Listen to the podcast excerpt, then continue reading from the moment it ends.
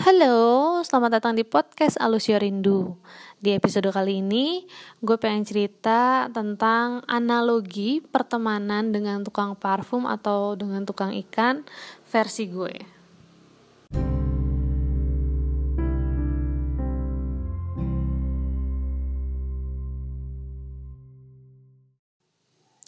Gue punya dua orang sahabat.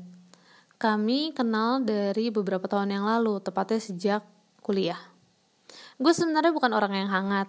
Gue juga kurang pintar bergaul cenderung cuek apatis antisosial gitu. Tapi uh, mungkin kami jadinya bisa bersahabat karena selera humor dan cara berpikir kami serta cara diskusi kami yang sama.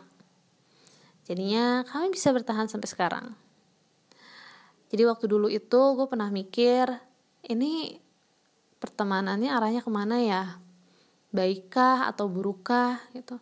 Mungkin karena pada saat itu gue menemukan situasi-situasi orang lain menghadapi uh, pertemanan yang mungkin kurang baik atau buruk sama aja ya. Maksudnya baik juga gitu loh.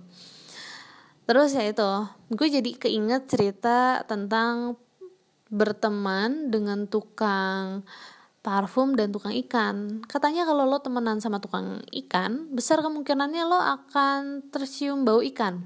Tapi kalau lo temenan sama tukang parfum, maka akan besar kemungkinannya lo tercium beraroma parfum.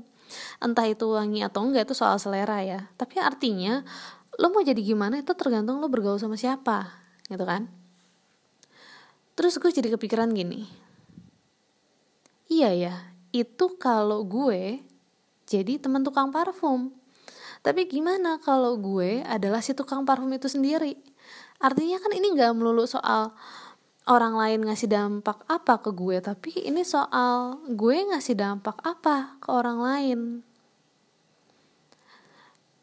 Dari dua orang sahabat gue inilah akhirnya gue belajar untuk menjadi diri gue sendiri versi terbaik.